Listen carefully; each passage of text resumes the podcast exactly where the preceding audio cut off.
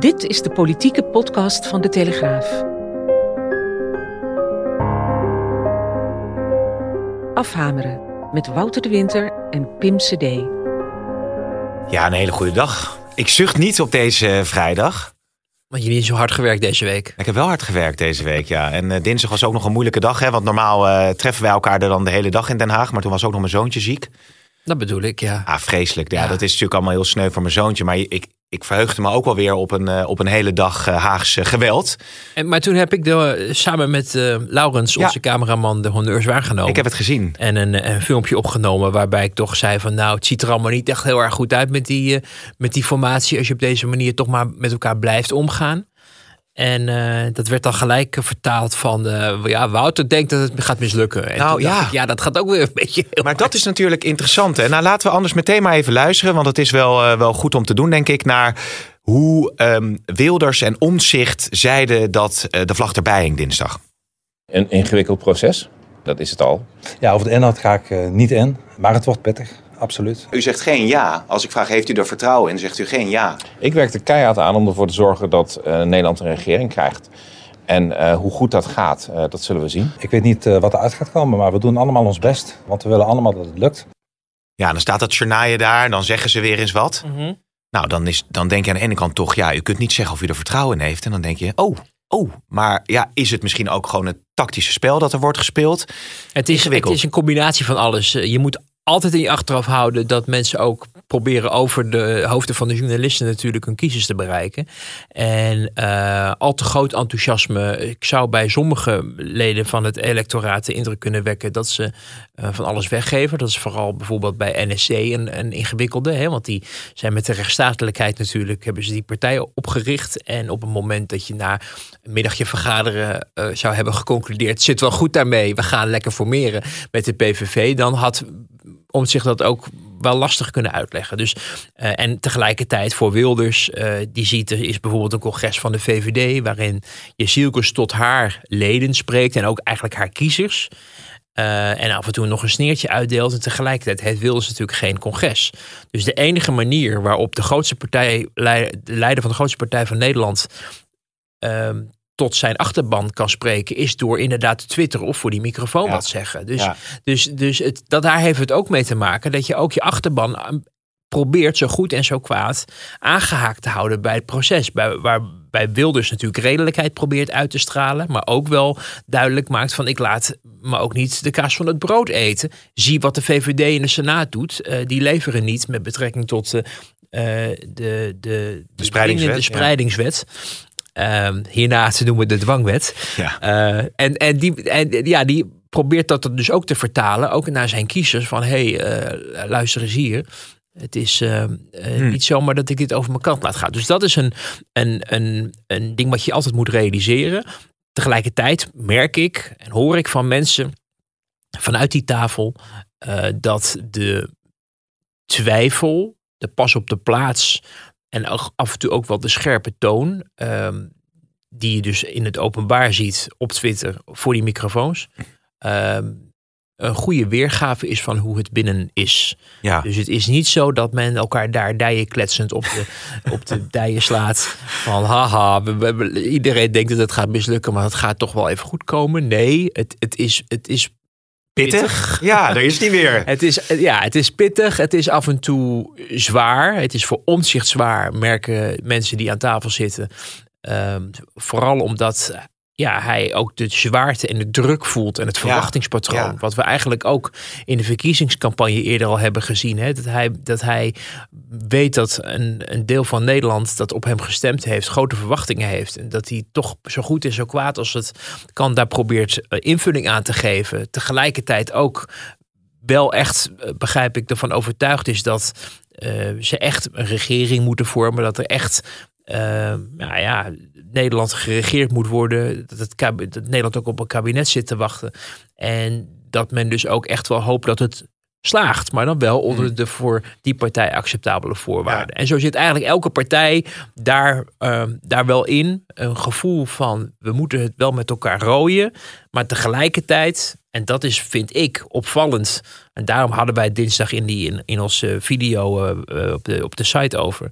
Dat het in, na al die weken met elkaar praten wel heel merkwaardig is. Dat je dan nog steeds loopt te sneren op congressen. Of loopt te twitteren over die sneren. Eh, dat, Ja. is, dat is als je vier jaar lang met elkaar door één deur moet. een wankel begin.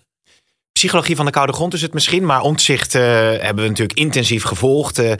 Al voorafgaand eh, in zijn CDA-periode, erna bij het beginnen van zijn nieuwe partij. En ik heb toch altijd het idee dat als je hem dan zo spreekt en, en hij, dat hij wel oprecht is in al dan niet zijn, zijn, zijn bezorgdheid of zijn nukkigheid of zijn optimisme, dat hij misschien niet echt het politieke spel speelt. Toen ik hem zo sprak, toen dacht ik ook van ja, gaat het misschien ook weer allemaal moeizaam en twijfel? En is de, de, vooral ook de fractie van Nieuw Sociaal Contract, zit hij ook niet te morren en twijfelt hij wel of ze echt wel met die PVV in zee willen? Is het enthousiasme niet gewoon heel beperkt binnen die, eh, binnen die fractie? Wat ik ervan begrijp is, eh, of wat, wat NSC ook graag eh, wil benadrukken, is dat zij toch heel erg consi- consistent in de wedstrijd zitten.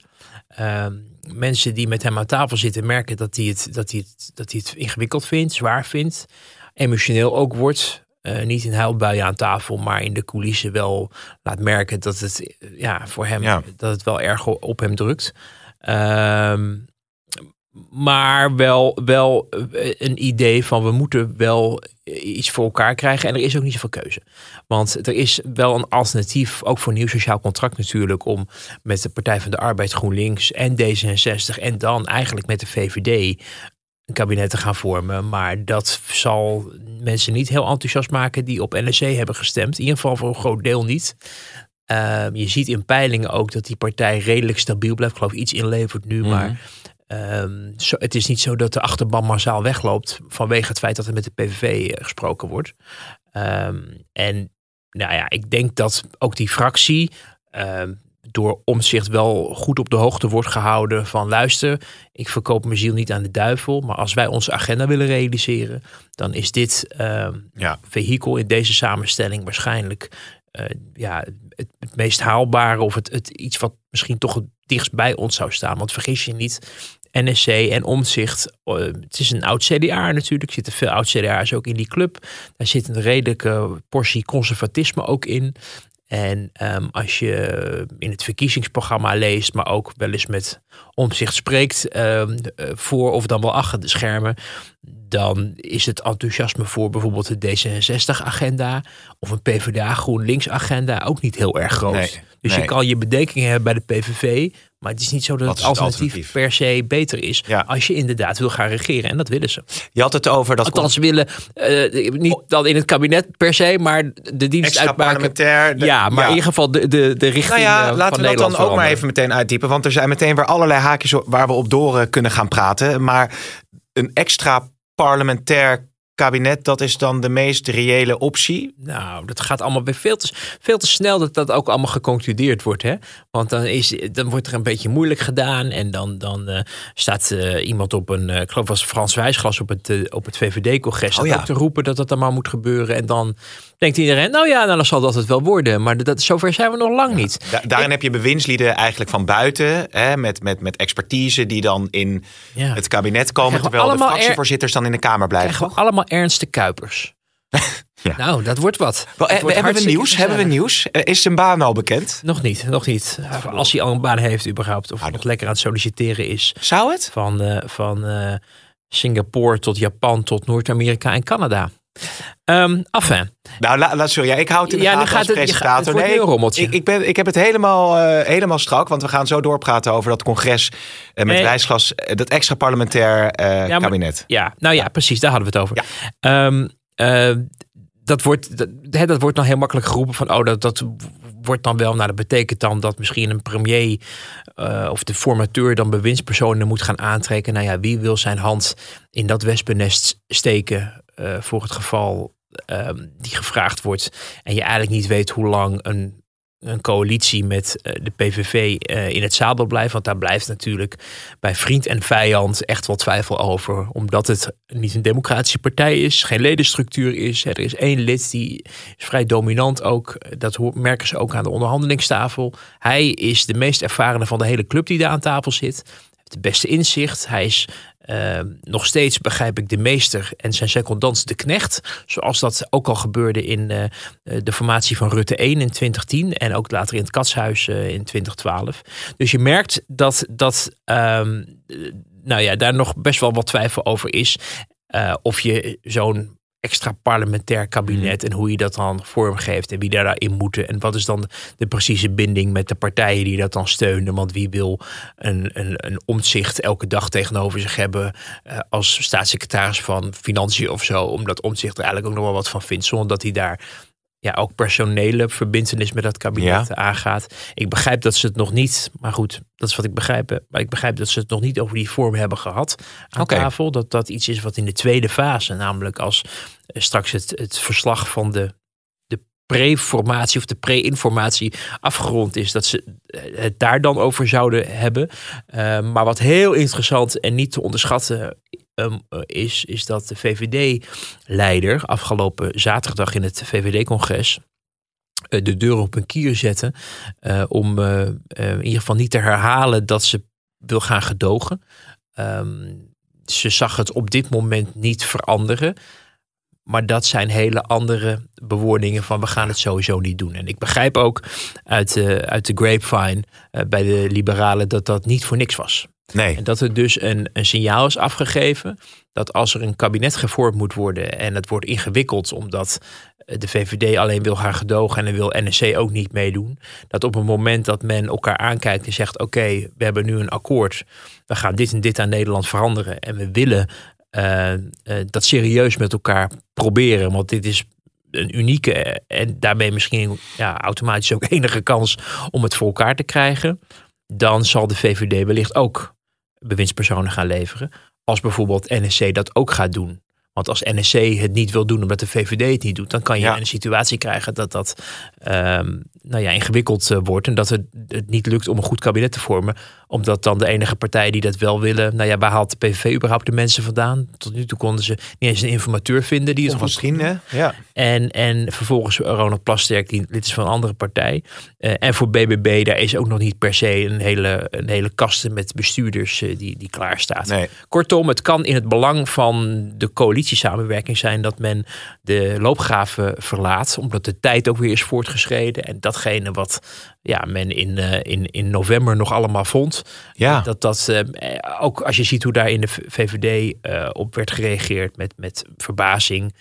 De opgave is nu voor de VVD om de, uh, deze politieke samenwerking tot een succes te maken. Enerzijds ook natuurlijk omdat de peilingen hel en verdoemenis voorspellen op het moment dat een winnaar de kiezer gegaan moet worden op dit moment voor de VVD. Maar anderzijds omdat ook uh, Dylan Jasilkus op haar partijcongres ook wel echt heeft gezegd dat ze heel graag wil dat dit een succes gaat worden. Ja. Nou ja, als je, als je dat echt tot een succes wil maken en je moet daarvoor de koers wijzigen rond die gedoogconstructie, dan denk ik dat dat nog best um, haalbaar kan ja, zijn. Want je zegt eigenlijk enerzijds VVD gedoogconstructie, anderzijds NSC misschien met een extra parlementair idee. Ja, dat wordt natuurlijk heel ingewikkeld als je al, als twee partijen zulke uiteenlopende Precies. ideeën hebt over hoe ja. zo'n kabinet uh, gevormd moet worden. Dan kan je maar beter op een gegeven moment zeggen van, nou ja, dan gaan we er of helemaal in of niet. Uh, ja, en, en, en dat, ik neem aan dat, dat Plasterk daar ook mee bezig is. En uh, nou ja, dat hoort ook wel bij het begeleiden van zo'n proces dat je probeert om de mensen zo aan elkaar te laten wennen en elkaar te laten vertrouwen en, en, en ook blij te zijn om een politiek avontuur met elkaar aan te gaan, omdat ze dingen voor elkaar gaan krijgen die ze de afgelopen jaren niet voor elkaar dachten te krijgen. En dan gaat het om migratie, maar dan gaat het ook over allerlei zaken die uh, bijvoorbeeld uh, Pieter Omtzigt met NSC voor goed bestuur wil voor elkaar krijgen. Als jij die kans krijgt en het ligt op tafel en je weet aan de steun van, van uh, de mensen die aan tafel zitten, dat je daar een Kamermeerderheid voor gaat krijgen. En dat, gewoon gaat, dat het eigenlijk dus gaat gebeuren, mits de Senaat niet al te gekke dingen doet. Ja. Maar goed, die hebben misschien hun lesje ook wel een beetje geleerd daar. In ieder geval bij de VVD uh, en bij BBB. Even een klein zijstapje. Die hebben uiteindelijk verzuimd om de wet controversieel ja. te verklaren. Dus eigenlijk is het daar begonnen. En dat politieke amateurisme, dat kan je natuurlijk niet al te vaak uh, veroorloven. Als je vervolgens tegen die wet gaat stemmen. Um, dus Um, ik denk dat dat ook wel een schokgolf, ook wel in de VVD uh, en misschien ook wel bij BBB uh, uh, teweeg heeft gebracht. Nou, als je dus het, het perspectief hebt van het gaat nu echt lukken, want die mensen die zetten hun handtekening onder iets. Het is echt niet zo dat, dat, dat eh, de VVD heel erg zit te wachten op een constitutioneel hof of zo. Er zijn denk ik ook nog best wel mensen die er echt wel bezwaren tegen hebben. Hm. Maar als het lukt om een heleboel andere dingen te realiseren, nou ja, dan zou dat. Dan, dan eh, gunnen ze dat omzicht. Nou ja, dat is voor omzicht natuurlijk fantastisch nieuws. Ja. Ehm, dus het, het, um, zo'n formatie kan, kan eh, als je het eh, maar zoveel mogelijk over de inhoud eens wordt, dan kan de vorm uiteindelijk de sluitpost blijken en niet meer het grootste issue. Ja. ja, u hoorde het als eerste in afhameren ook. Hè, dat op een gegeven moment bij die gedoogconstructie van Jezilgus... toen ze dat natuurlijk meteen na de verkiezingen zei... dat jij volgens mij meteen al zei van nou... we moeten het nog maar afwachten. Ja. Maar het maakt het allemaal wel heel pijnlijk. Ja, er is natuurlijk, en, eh, hè, ik was op dat VVD-congres afgelopen zaterdag.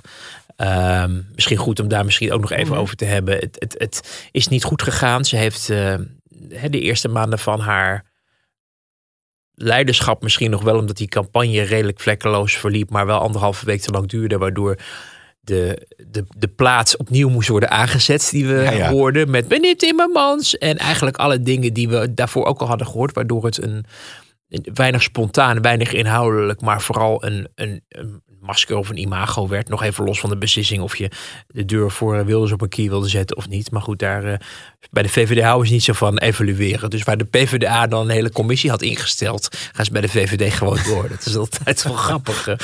Eh, maar goed, CDA trouwens, die zouden ook wel een commissie instellen. Maar eh, hoewel ze dat misschien dit keer hebben... Ik geloof het ook niet dat Nee, dit mij niet, de nederlaag wordt geëvalueerd. Maar goed, ehm, ehm, maar na de verkiezing ging het dus snel niet goed. Dat hebben we hier natuurlijk ook uitvoerig eh, besproken. En dat stond ook natuurlijk eh, op onze site en in de krant. Eh, dat, dat daar heel snel een aantal beslissingen werd genomen op meerdere niveaus. Hè. Zowel in de Senaat door het goedkeuren van die dwangwet als ehm, de hele snelle actie om, om te gaan gedogen. En dat eh, voor de camera te vertellen voordat je überhaupt met de verkenner had gesproken. Ehm, en daar is dus eh, f- ja, van gezegd, er zijn fouten gemaakt. Hè. Dat heeft dan Jezielkus op haar partijcongres gezegd. Maar het waarom van die fouten, wat er nou precies achter zat... Ja. En, en of de fout hersteld wordt...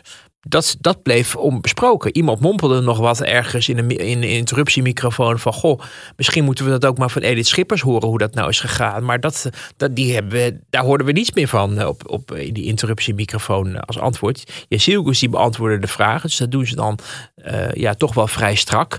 Het is ook niet zo... Ik heb ze echt wel enthousiaster gezien met z'n allen over een partijleider. Eh, bijvoorbeeld over Mark Rutte. Eh, nou ja, in het verleden misschien... Mark Rutte zit natuurlijk wel heel erg lang, maar eh, het enthousiasme was beschaafd. Eh, maar, en mensen gingen natuurlijk staan, hè, onze leider, en dan wordt er geklapt. Maar het was niet dat iedereen aan, aan het gillen was van wauw, dit is het beste wat ons is overkomen. Misschien ook nog niet zo gek, want ze zitten nog niet zo lang. Dus Ja. ze moeten het voorlopig nog maar eens even laten zien. Maar je zag dus dat er heel duidelijk een boetekleed werd aangetrokken voor de fouten die begaan waren. Maar het had ook veel weg van een schaamlab. Omdat het vooral, dus daar heb je ze weer bij de VVD, voor het uiterlijk vertoon was van ze gaat door het stof. Maar als je door het stof gaat, dan erken je dat je de verkeerde beslissing hebt genomen ook. Maar, maar dat, eigenlijk gaat men gewoon door op de ingeslagen weg. Met dan die, die voor hele voorzichtige uitzondering. Helemaal aan het einde tegen journalisten. Dat ze niet Ja. meer ging herhalen. Maar dat is wel echt voor de fijnproeven Ja. geweest. Maar goed, dat is toch een, eh, een, een veelbetekenend Ja. eh, signaal in elk geval. En eh, ze had dus een sneer voor eh, Geert Wilders. Ehm, je noemde het al even. Kunnen we nog even naar luisteren? Bij alles wat tegen zit, even de telefoon te pakken en een boos bericht de wereld in te sturen. En het lucht vast wel op, maar het lost niets op. En ik geef toe, als je dat heel vakkundig doet, kan je er zelfs de verkiezingen mee winnen. Ingestudeerd, hè? Allemaal Ja. van papier. En je hoort het ook aan de toonzetting. Ik neem iemand niet kwalijk hoor voor een partijcongres. Zeker de eerste keer dat het niet uit het hoofd gaat. Zoals Rutte eh, in ieder geval de afgelopen jaren altijd eh, deed. Maar je, je merkte gewoon, ze was wel een beetje nerveus erover. Dat snap ik ook wel. Want het gaat wel ergens over de, je eerste ja, echte, echte toespraak tot het congres eh, sinds de verkiezingen. Ehm, maar dan zo'n grapje. Je hoort, het, is, oh, het, is, het was voorbereid. Dus men was van plan kennelijk een tikkie uit te delen. Ja.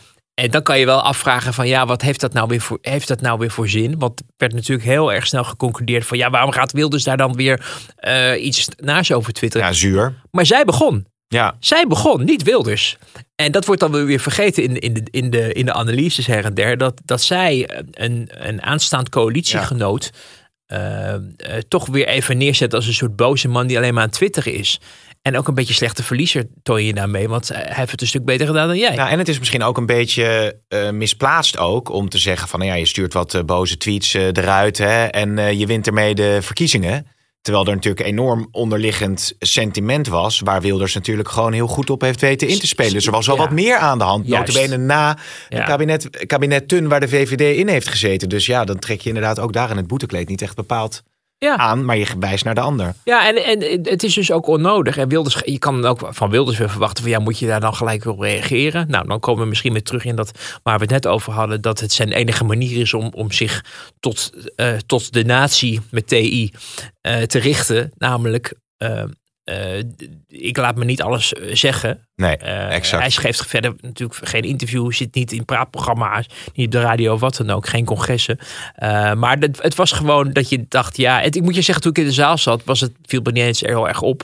Ik was alleen maar werd ook een beetje, beetje ja, lauw het was een beetje lauw. Ja, het stond heel vals in de NRC van de zaal reageert nauwelijks. Oh ja, serieus. Maar ik moet je zeggen, ik, ik kon me niet eens meer herinneren dat ze dat zei. Terwijl ik toch in die zaal zat en naar die toespraak zat te luisteren van haar. Dus Ja, nou, die is dan ook niet met, hè, met tromgeroffel aangekomen in de zaal. nee, dus, dat, sneer. dus, die, dus die, die recensie klopt wel, denk ik. Ja, ja, maar ja. ehm, eh, ja, het, het was gewoon. ehm, het, het was gewoon. eh, het, het was onnodig. En, en ik weet niet precies wat ermee werd beoogd.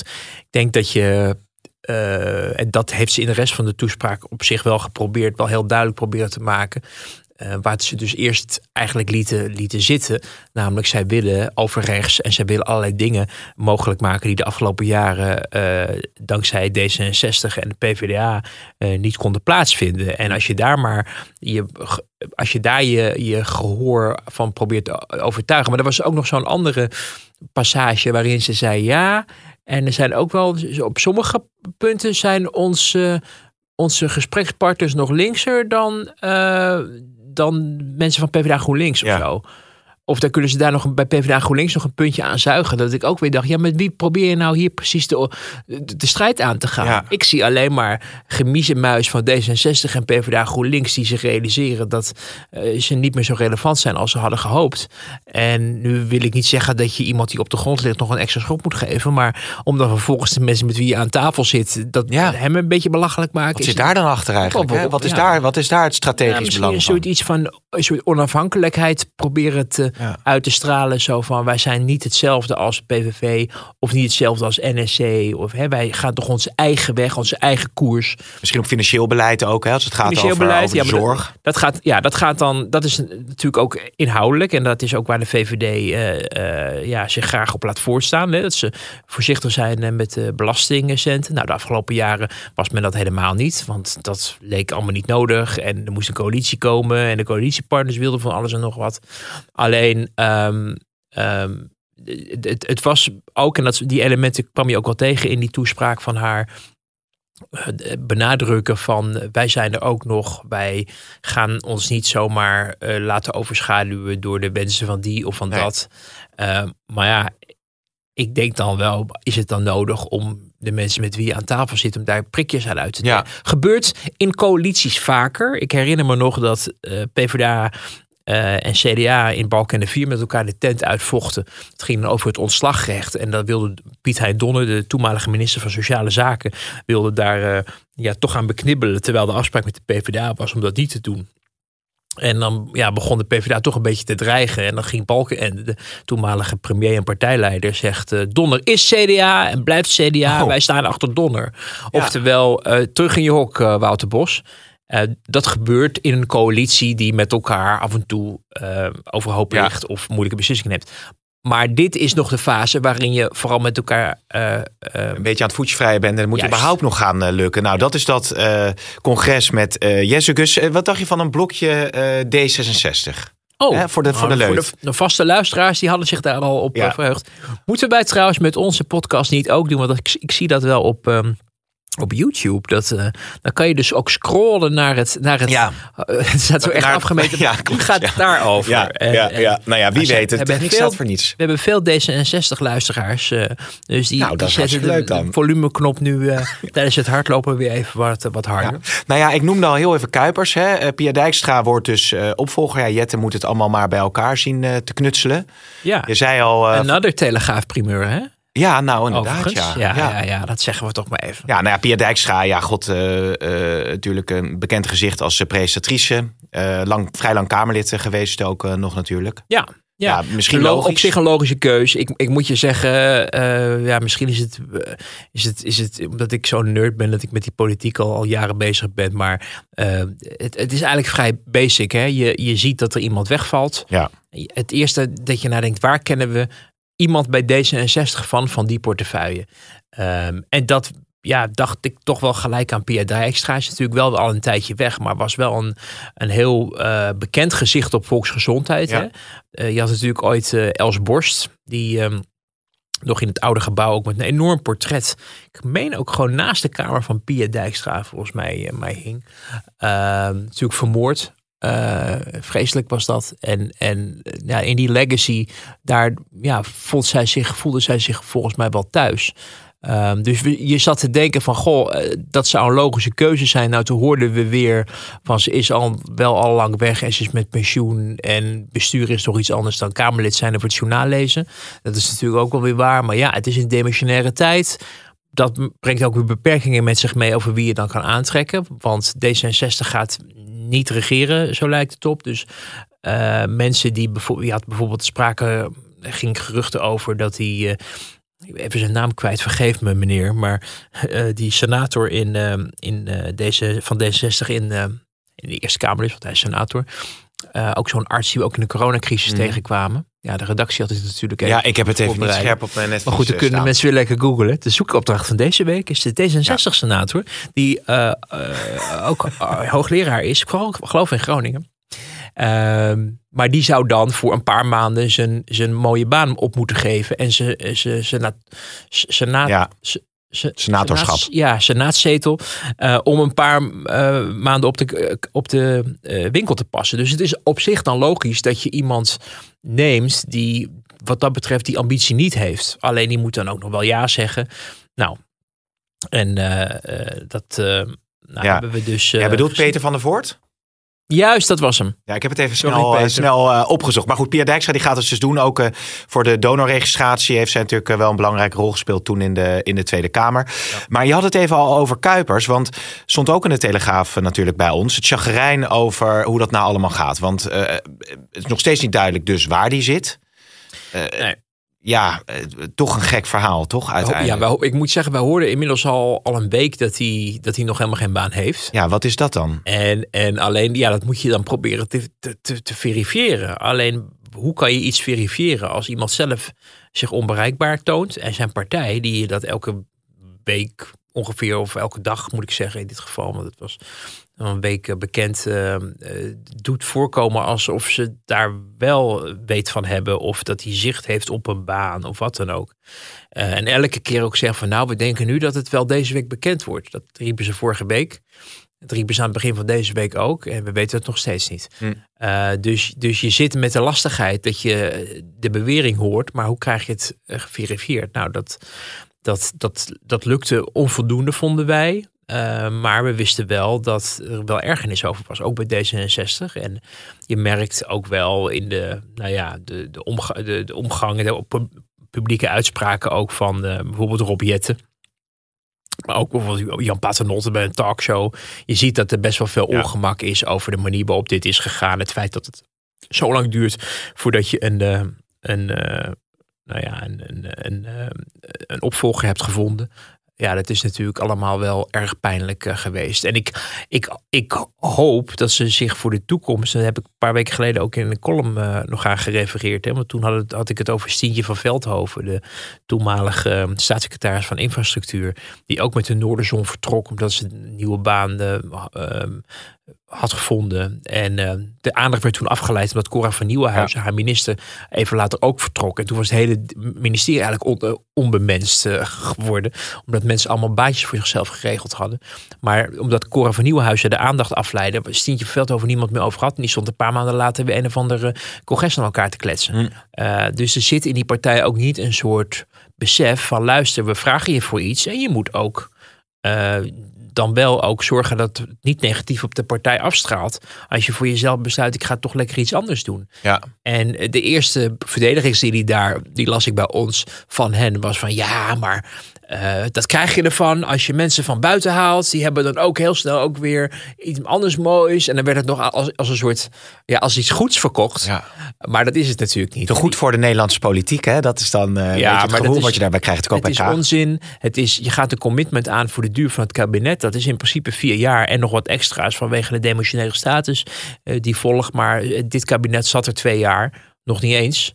Ja. Uh, en dan, wat zeg ik, anderhalf jaar zaten ze. We zijn twee jaar verder sinds de beëdiging en mensen nemen massaal afscheid. het is ook wel zo dat als je maar moet wachten totdat je klaar bent met het demissionaire gedoe, dat je dan op een gegeven moment je gaat oriënteren op een andere baan, is ook niet heel gek, toch? Nou ja. Want anders is het die periode voorbij en dan moet je dan. Daarvoor heb je dus wachtgeld. Ja. Uh, het is denk ik ook niet verboden om, om je heen te gaan kijken en te zeggen van nou, ik, ik heb wel belangstelling, maar op dit moment kan het niet, want ik zit Ja. in het kabinet. Voor, voor Kuipers was het vermoeden dat hij een baan ambieert die direct raakt aan zijn expertise en zijn portefeuille op het ministerie van Volksgezondheid, waardoor er een belangenconflict kan ontstaan. Maar de manier waarop hij weg is gegaan, door zijn eigen partij te verrassen, door de minister-president te verrassen, door zijn eigen ministerie te verrassen. Mensen die gewoon s ochtends, ik had, we hadden het er volgens mij twee weken geleden over, en mededeling krijgen van ik stap vandaag op, regel het even. Ja, dat is niet goed. En, en eh, dat moet dus anders. En je hoopt dus dat men ook bij D66, maar eigenlijk bij alle partijen, ook wel aan het begin van die rit. En misschien een mooie taak ook voor de formateur straks. Hè. De formateur is dan de beoogd premier. Als het regeerakkoord af is en de, ja, wat ik dan maar even noem, de sollicitatiegesprekken Mhm. eh, met, eh, met de beoogd premier eh, plaatsvinden. Om dan eh, ook af te spreken van luister. eh, we gaan er wel van uit dat je, dat je het afmaakt. En dat Ja. je niet tussentijds ineens vertrekt. Ehm, nou ja, dat kan je alleen maar mondeling afspreken. Je kan mensen daar niet toe verplichten. Want mensen zijn niet geketend aan, aan, Nee. aan de dienstauto.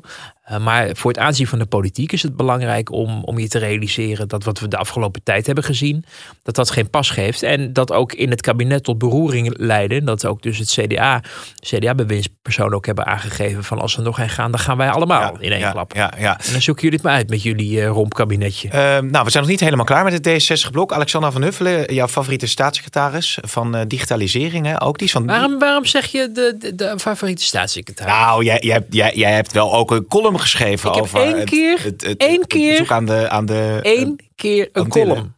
Ja. Eén keer. Toen ik, toen ik met, eh, met het koninklijke gezin eh, op, eh, de, op de Caribische eilanden Ja. was. En zij daar de hele tijd omheen dartelde. Ja. En ik dacht van ja, als jij met iemand staat te, staat te dansen en leuk te doen en te zoenen. Hè, want het was allemaal alsof je, alsof je vrienden ontmoette. Het was, oh, is het? Wat zie je er goed uit? Smak, smak. En dan eh, eh, eh, op die, in Curaçao, bij dat, bij dat feest, dan met die man die dans deed. En die man is dan de premier. Pik Huppeldepup heette. Ja, ik kan die naam ook niet Nee. verzinnen. En die had dan de- zijn zijn verkiezingen gewonnen toen hij campagne ging voeren in de gevangenis. En met allemaal mensen, ik weet niet, moordenaars of zo, op de foto ging. En daar probeerde stemmen. Ik denk, nou, mo- mooie, mooie entourage om, eh, eh, nou ja, je, je, je weet ook wel die financiële situatie daar. En alle zaken die daar bestuurlijk allemaal misgaan.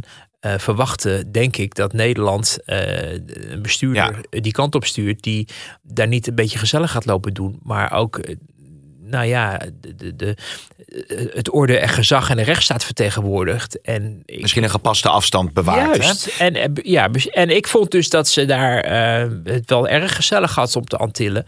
En toen heb ik daar een column over Ja. geschreven. En sindsdien is zij kennelijk, eh, denkt heel Nederland dat ik een hekel aan haar heb. Maar dat valt wel mee. Alleen ik vond dat gewoon, ik vond gewoon niet dat ze het goed deed. Nee, daar. oké. Nou ja, dat is dan ook Ja. duidelijk. Ja, sorry. Maar ze is van X.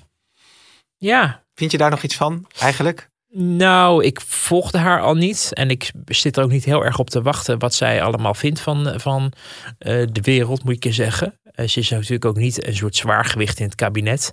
Uh, laten we wel wezen.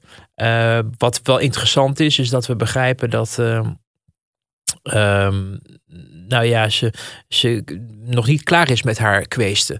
En haar, haar um, collega's ook ervan probeert te Oh, overtuigen dat ze moeten oppassen uh, met sociale media. Uh, en daar misschien ook wel over nadenkt hoe dat allemaal moet gaan, uh, moet gaan gebeuren. En het interessante daarbij is wel dat um, je, je moet afvragen dat als je demissionair bent, in hoeverre je dit nog moet gaan doen. Hè? Je moet toch op de winkel passen. Ik herinner me, heb je weer Kuipers, dat is de vlak na de val van het kabinet met hem aan talkshowtafel bij opeen zat, dat die man een kwartier een monoloog hield over wat er allemaal op in de volksgezondheid moest gaan gebeuren. En ik keek die mede tafelgenoten aan. Wij keken allemaal een beetje vertwijfeld naar elkaar van. Nou, ten eerste is hij met een monoloog bezig, maar ten tweede is hij aan het doen alsof hij nog allerlei dingen mag uitrollen. En Ja. er nog over gaat. Maar hij gaat er niet. Hij is emotioneel. Hij moet op de winkel passen, lopende zaken afronden. En geen nieuw beleid ontwikkelen. Want dat is aan het volgende kabinet. Want het kabinet is immers gevallen. En je ziet vooral bij D66'ers in het kabinet eh, de behoefte om te doen alsof dat misschien niet het geval is. En eh, te doen alsof het nog heel erg toe doet wat zij ervan vinden. Eh, De VVD-minister voor Onderwijs, die zag ik trouwens ook op televisie vertellen wat ze allemaal belangrijk vond in het onderwijsveld. Dat ik dacht, nou ja, jij allemaal heel erg leuk en aardig, maar je bent demissionair. Dus je ziet dat sommige bewindspersonen er maar moeilijk aan kunnen wennen dat de plek die ze nu eh, nog hebben, demissionair, dat die eigenlijk echt eentje is van een stap terug nemen en Mm. eh, niks nieuws meer beginnen. Maar met haar hele avontuur met X en misschien nog met andere sociale media, lijkt dat besef bij Ja. eh, eh, mevrouw Van Huffelen nog niet echt doorgedrongen. Benoemen we ook nog even Rob Jetten, want eh, die zei eh, afgelopen week het volgende over het proces eh, en hoe lang de formatie dan duurt. Een gemiddelde formatie in Nederland heeft uh, zo'n 100 dagen geduurd. Uh, we zijn inmiddels uh, kruipen we richting de 70 dagen, terwijl er eigenlijk maar één variant mogelijk is, namelijk deze rechts, extreemrechtse uh, combinatie. Dus ik zou zeggen, uh, schiet op, want er is geen alternatief. Ja, geloofwaardig? Totaal ongeloofwaardig. En het, het, Het is echt wel grappig, hè, dit. Het Als je mij net de- langs de formatie met die roestige. Nou ja, auto het, het, deed mij denken aan, eh, aan wat ze ook wel eens over eh, de Republikeinen zeggen in Amerika. eh, in de Amerikaanse politiek. Dat de schaamteloosheid hun superpower is. Ja. Eh, dus eh, dat gaat dan heel vaak over de dingen verwijten aan de Democraten of aan president Biden of aan president Obama. Want het- dit is een verwijt dat al, al heel wat jaren wordt gemaakt. En op het moment dat ze zelf aan de macht zijn, precies datgene doen.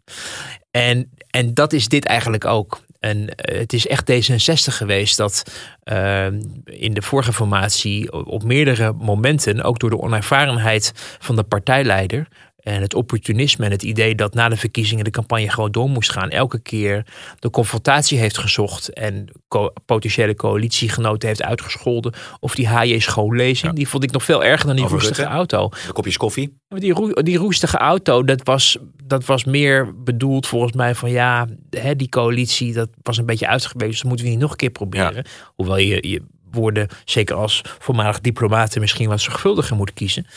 Maar als het gaat om, om die HJ schoollezing, dat was echt, dat was, dat was echt totale waanzin. Dat Ze was, sneerde naar Rutte. na, na vijf maanden eh, eh, niet vooruitkomen met je, eh, met je onderhandelingen. de, de beoogd premier, die, de winnaar van de verkiezingen, die echt niet zomaar van het toneel zou verdwijnen, nog eens ook wegzetten als een, als een soort, ja, als een soort, soort idioot of zo. Of, of, of, of überhaupt proberen uit te stralen dat er kennelijk dus nog een alternatief is of zo. Of dat misschien Rutte een stap terugzet op het moment dat zij een toespraak hield eh, van. eh, eh, ja, je, je, je, je, bent, je, je bent maar van de deeltjes, het koffieleuten Ja. en wat dan ook. Dus het was heel ontijdig, politiek geklungel van de eerste orde. En daarmee ook niet bevorderlijk voor het in elkaar zetten van een kabinet. Eh, dus dat hele proces van die kabinetsformatie heeft voor een heel groot deel ook, eh, kan op het, op het konto van D66 geschreven worden dat het zo lang duurde. Daarom hebben ze uiteindelijk eh, de strijd om het, om het regeerakkoord gewonnen. Omdat die andere partijen er zo klaar mee waren. En ook dachten van nou ja, we hebben in ieder geval PvdA GroenLinks buiten de deur gehouden. Dus dan geven we VVD, CDA geven we D66 maar de zin op allerlei zaken. En daar hebben ze later behoorlijk spijt van gekregen. Bijvoorbeeld de uh, VVD, die hebben daarom ook het kabinet laten vallen uiteindelijk. Als uh, aanleiding de migratie, maar als oorzaak het feit dat ze in een coalitie verzeild geraakt die een totaal andere koers uh, aan het varen was dan ze eigenlijk wilden en wat hun kiezers wilden. Dus um, ja, de schaamteloosheid van deze ploeg verwijten dat ze er maar te lang over doet. En ook de dubbele boodschap. Hè? Er moet maar snel een kabinet komen van rechts, rechts of extreem, extreem rechts. Waar hij vervolgens dan weer heel erg tegen is. Dus je bent voor de vorming van dit kabinet, want het duurt allemaal te lang. En tegelijkertijd vind je de schande dat het er komt. Ja, ja nou, hij zit square wel, circle, ja, denk ik dan. Jette zegt wel, ja, er is eigenlijk geen alternatief uh, behalve deze combinatie. Misschien dat dat bij de vorige formatie ingewikkelder was. En dat, dat, dat het daarom logisch was dat dat dan langer duurde dan dat dit volgens Jette zou kunnen duren of zou mogen duren? Nou, ik, deze redenering uh, snap ik niet helemaal. Nee? Nou ja, vorige keer was natuurlijk P van de A nog en GroenLinks nog erbij betrokken. Was het natuurlijk een hele ingewikkelde puzzel vanuit D66 perspectief uh, om in dat kabinet te stappen. En nu wil hij eigenlijk uitdragen van ja, het is heel simpel. Deze partijen zijn aan elkaar overgeleverd, dus dan hoeft het ook niet lang te duren. Ja, nou ja, het is, het is een, uh, het, het valt me echt op de, toch de dubbele boodschap die daarbij klinkt. Namelijk, ik wil, we willen het eigenlijk niet, maar het moet er maar wel snel komen. En we hadden het hier de vorige week ook al over PvdA, GroenLinks, Volt en de Partij voor de Dieren. Die natuurlijk de hele tijd bezig zijn om, uh, om, om Plasterk aan te vallen. En hem te betichten van van alles. Eigenlijk hem verdacht maken. En uh, van dingen... Ik hoorde ze van de week weer zeggen bij de interruptie. Ik heb het fragmentje. Timmermans over Plasterk. Oh, gaan we, laten we daar even naar luisteren. Ik vind het op uh, zijn zachtst gezegd merkwaardig dat de Kamer daarover geen informatie kan krijgen. Dat we iedere keer weer met een nogal hotijn briefje uh, van de heer Plasterk uh, zeg maar het bos in worden gestuurd. Dus ik steun heel graag uh, dit verzoek. Hij moet nou maar eens klare wijn schenken, de informateur. Wat hij nu doet is niet begin februari of eind januari. Hij rekt de eigen termijn op. Dus hij gaat wel heel soepel om met zijn mandaat. En ik vind dat de Kamer ja, toch ook een beetje op de eigen afspraken moet letten. Ja. ja. Dit, is, dit is deel drie van de, uh, van de Koude Oorlog die we aan ons uh, voorbij zien uh, trekken. Elke week, nu hebben ze dus weer, probeerden ze dus weer een brief te krijgen, probeerden ze weer te insinueren dat er iets niet klopte. terwijl de opdracht van de informateur duidelijk was. Zij waren daar tegen, tegen die opdracht, tegen, tegen deze manier. Alleen de Kamer wilde iets anders. Dus ze doen de hele tijd voorkomen alsof, alsof Plastic iets anders doet dan, dan was afgesproken.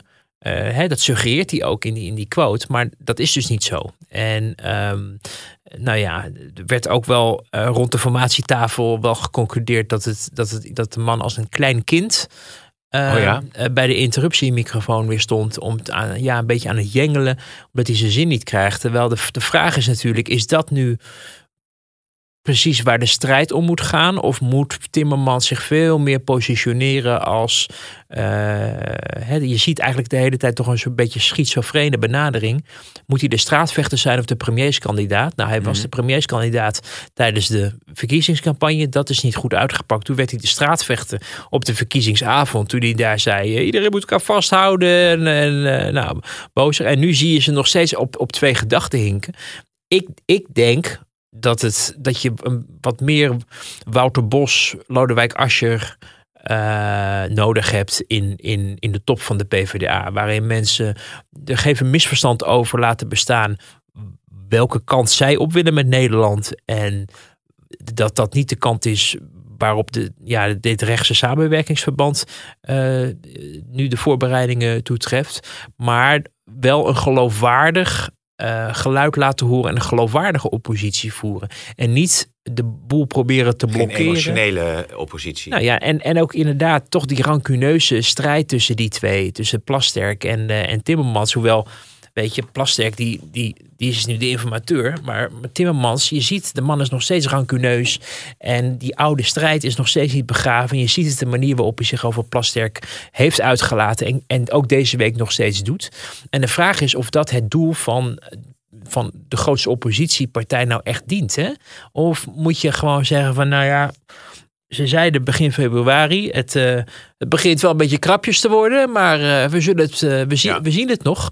En, ehm, en dan vervolgens, als er een onderhandelingsresultaat ligt, eh, daar ja, keihard op ingaan en zeggen: dit deugt niet, dat deugt niet. Maar eh, het is nu toch een beetje van ja, we zijn eigenlijk machteloos. Dus we proberen het proces maar een beetje van de, van de rails te Ja, laten lopen. Door te insinueren dat het allemaal niet deugt en duister is. Waarmee je, maar dat hadden we vorige week al besproken, eh, meer kwaad doet dan goed. Omdat je het instituut Tweede Kamer ook beschadigt. Die zelf heeft gekozen dat de koning uit de formatie moest, het staatshoofd uit de formatie moest. Dat er allemaal zelf informateurs eh, moesten worden aangewezen. En in, met opdracht op pad moesten worden gestuurd. Vervolgens daar verantwoording over afleggen aan het einde van het proces. Precies zoals de opdracht ook luidt. Niet tussentijds rapporteren wat zij steeds willen. Maar waar de Kamer een andere beslissing over heeft genomen. En dan toch de hele tijd suggereren dat er iets niet deugt en dat het niet goed is. Ja, wat hoor Het je? is, het, is, het is eigenlijk, de, zeker de PvdA onwaardig, maar, maar ook een nieuwe partij onwaardig om op deze manier, denk ik, de strijd aan te gaan. Ik denk echt dat je, dat als dit allemaal mislukt, nou, wat, wat ja. of in de onderhandelingsfase kan gebeuren of als een nieuw kabinet er zit, er een partij moet staan die het alternatief gaat vormen voor het soepzootje wat het uiteindelijk dan zou zijn geworden.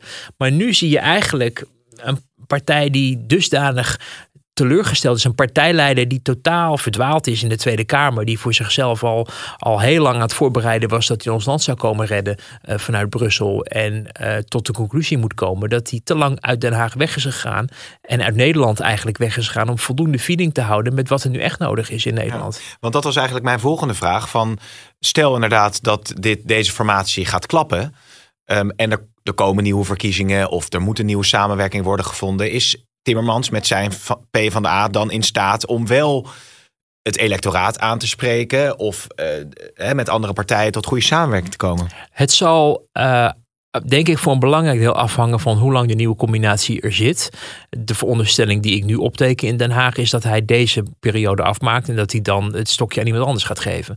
Eh, dat lijkt me ook het verstandigste, omdat je merkt dat de weerzin tegen Timmermans een beletsel kan worden voor PvdA GroenLinks. Ik denk dat die partij nog steeds een behoorlijk potentieel heeft, omdat ze het zich kunnen opstellen als het alternatief voor wat we wellicht straks gaan krijgen. Alleen de weerzin tegen Timmermans hebben we in de verkiezingscampagne natuurlijk wel gezien.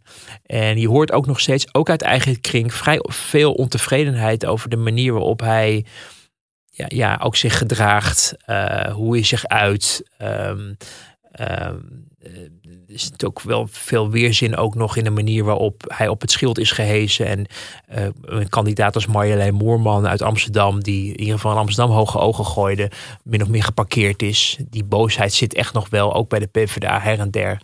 Ehm, ja, dat het, dat het eigenlijk heel onwaarschijnlijk is dat, het, dat hij, als deze, periode, deze club er anderhalf, twee jaar zit, dat hij dan het Nee. nieuwe frisse alternatief daarvoor is. Dus Steekt Klaver dan weer zijn hand op, denk jij? nou, die wil heel graag minister worden, zegt iedereen. Ehm PvdA'ers zijn niet zo ontzettend dol op Klaver per se. Ook mensen uit- uit de vroegere top niet. Hè. Die hebben natuurlijk gezien hoe GroenLinks ervoor heeft gezorgd dat uiteindelijk er een, eh, een, een eh, parlementaire ondervragingscommissie kwam die de, het einde van het leiderschap van Lodewijk Asscher heeft eh, ingeluid. Nou, dat zijn echt veel PvdA's nog niet vergeten. Maar men heeft omwille van de goede vrede en het idee van we moeten toch een keer samenwerken, ehm, besloten om elkaar niet de tent uit te vechten. Heel eh, niet links, zeggen we daar maar gelijk bij, maar wel verstandig. Alleen op een gegeven moment gaat het natuurlijk wel tot een, tot een explosie leiden, omdat de verkiezingen, ge- het is gewoon niet geworden wat men ervan verwacht had. En tot nu toe zie je dus ook in de Kamer, Kati Piri vorige week ook, bij de interruptiemicrofoon naar aanleiding van het eh, NRC-verhaal over Rutte. Hè, dat Mhm. Rutte en het AZ bij het ministerie van Buitenlandse Zaken zouden hebben aangedrongen om dingen te verzinnen waardoor ze de oorlogsmisdaden van Israël onder het tapijt konden vegen of zo. Een, een bewering van anonieme ambtenaren in een rechtszaak die ineens op de voorpagina van de NRC stond en daardoor maar als waarheid werd aangenomen, wat fel werd tegengesproken eh, overigens uit verschillende hoeken eh, in Den Haag, maar ook ja, een beetje dun verhaal natuurlijk was als je mensen anoniem en ook nog eens geparafraseerd citeert. Wat ook een nieuwe afslag was volgens mij. Dus mensen niet zo hebben uitgesproken, maar dat je er zelf maar wat van hebt gemaakt. En nou ja, het was, het was een beetje een rommelig uh, geheel. En dat wordt, wordt dan door die Kati Piri aan de interruptiemicrofoon uh, ja, uh, gebruikt om te zeggen: ik wil alle communicatie van tussen het ministerie van Algemene Zaken, Buitenlandse Zaken op boven tafel. Dus het wordt gelijk als waarheid aangenomen. Uh, de verdachtmaking zit er. Dus de man is alleen maar bezig om zijn navelbaan te regelen en alles, anything goes. En dat laat kennelijk het hele kabinet verder ondertussen gebeuren. Alsof mm. Rutte inmiddels de alleenheerser is geworden in, in het kabinet. Uh, ja, het, het ging allemaal erg snel. En, en het was ook weer zo'n moment dat ik dacht: van ja Weet je, de man is, gaat ook binnenkort weg als premier. Het, het, het, ik denk, waar ben je nou precies mee bezig? Ben jij, ben, jij, nou het geloofwaardige alternatief waar we naar kijken op het moment dat we dit kabinet of het volgende kabinet er een puinhoop van zien maken? Of blaf jij uh, net zo um, ongecontroleerd mee? Ja, uh, op, op zo'n precair onderwerp ja, uh, waaruit ja. ambtenaren anoniem informatie zouden hebben doorgegeven. Wouter, ja, we zijn heerlijk door dit uur heen uh, gewandeld. We hebben één zaak nog niet besproken. Ja, ik weet niet of je nog iets over wilt zeggen hoor. Maar we hebben natuurlijk dat NPO-rapport uh, gehad. Hè. We nemen dit op vrijdag uh, op. En er staat hier rapport vol rotzooi. Natuurlijk van Rijn. Mm -hmm. ook een bekend nu even voor de mensen die zitten luisteren. de krant. Oh, waar, ja, waar, dat moet ik even zo doen. Waar staat dat dan? Vragen Voorpagina van de Telegraaf ja. op deze vrijdag. Heeft dat ook nog uh, politieke, uh, een politieke component? Ja, nou ja, het is natuurlijk een extra... Belastingsgeld natuurlijk, wat naar de NPO gaat. Aanmoediging voor de formerende partijen om wel iets te gaan doen bij die NPO. Uh, je zag natuurlijk twee weken geleden al die motie van VVD en BBB die een einde wilde aan de salarisconstructies. Die er dan zouden kunnen zijn, of constructies die er zouden zijn dat mensen zich door een producent dan lieten betalen en dan kom je er niet achter dat ze veel meer verdienen dan de balkennorm. Overigens, ik vind dat als je bijvoorbeeld naar Jeroen Pauw kijkt deze week en ziet hoe die die show uh, praat, dat je denkt, nou, betaalt die in hemelsnaam uh, desnoods wat meer. Want het kwaliteitsverschil, ja. uh, wat je, wat je bij hem, hij is natuurlijk wel echt heel erg goed. Weet je, hoe gaat Den Haag ermee om? Die zien dit gebeuren, die denken, ja, het is daar een, Het is daar een rommeltje. Dat is het al jarenlang. We mogen wel elk, elk jaar een miljard uh, aftikken en overmaken. En vervolgens hebben, mogen we er niks van vinden en mogen we er niks over zeggen. Ja. Want dan ga je in de journalistieke onafhankelijkheid en dan boeien met de media. Nou, dat, dat, dat dat frustreert politici. Dat frustreert ook politici die in, uh, uh, nu aan het, uh, aan het formeren zijn. Of daar gesprekken. ze zijn nog officieel niet eens aan het formeren. Maar goed. Um, gesprekken met, haar over, met, met elkaar overvoeren. En dan zie je de nieuwe staatssecretaris voor cultuur en media, die ze wel heel snel konden vinden bij D66. In tegenstelling tot de minister die de grootste begroting van, van, van Den Haag eh, mag beheren. Um, uh, een mevrouw Kreper heet ze, geloof mm -hmm. ik. Ja. En die zie je dan. Ze is drie weken staatssecretaris en ze stond dan voor de microfoon te reageren. Ja, en ik sta voor de publieke omroep. En dan denk ik, ja, je bent van D66. Ik weet niet of het helemaal ter zake deed of zo. Want volgens mij moet je vooral reageren op dat daar dingen zijn gebeurd waarvan je denkt, ja, um, het is behoorlijk heftig. Hoewel he, enquêtes anoniem invullen, mensen kunnen van alles roepen het wederhoor, het weerwoord, het bewijslast is, is niet op alle fronten, vind ik in het rapport, uh, heel erg uh, helder, behalve dat men heeft mogen klagen. Uh, maar de, de, zaken die bijvoorbeeld gaan over de wereld draait door en het gedrag van de presentator, die zijn vrij expliciet, duidelijk en natuurlijk ook al eerder uh, omschreven door veel mensen. maar Den Haag heeft daar met de huidige politieke verhoudingen wel een beetje genoeg van. En uh, dit zal hen eerder aanmoedigen om in te grijpen dan om uh, rustig aan te doen. Ja. Maar de, de rol die dan de D66-staatssecretaris uh, speelt. en die dan zegt van ja, ik vind het. ik sta voor de publieke omroep. Daar vroeg niemand naar. En dat is dus het merkwaardige. Dat er is toch nog steeds bij sommige politici in Den Haag van bepaalde achtergrond een soort Pavlov-reactie is. Dat op het moment dat er kritiek wordt geuit en nu een rapport ligt, wat volgens mij door links en rechts en onder tot boven en vriend en vijand wordt omschreven als toch steviger dan verwacht. Ja. Dat de eerste reactie is om het instituut te, uh, toch maar uh, eerst maar even een veer in de bibs te steken. En dan vervolgens zeggen, maar ik vind het wel heel erg voor die mensen wat er allemaal is gebeurd. Denk ik, ja, ja. Uh, er is iets toch lijkt er structureel mis. Uh, en niet alleen uh, gaat het dan om de de gedragsoverschrijdingen. Uh, maar ook gewoon die hele structuur die de politiek natuurlijk van die publieke omroep heeft gemaakt. Want dat is iets waar je in Den Haag, vind ik, toch te weinig over hoort. Er zijn allerlei, er is een, een structuur opgesteld, waar, waar, ook door, overigens volgens mij door de commissie uh, ook wel een punt van wordt gemaakt. Dat iedereen met elkaar aan het concurreren is.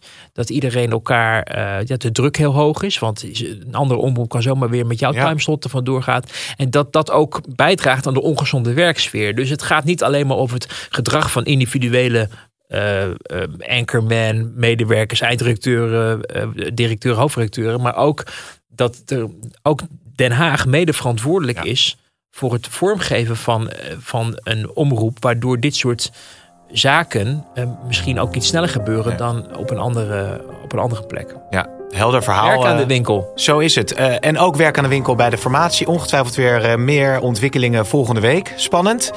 En dan spreken we elkaar weer.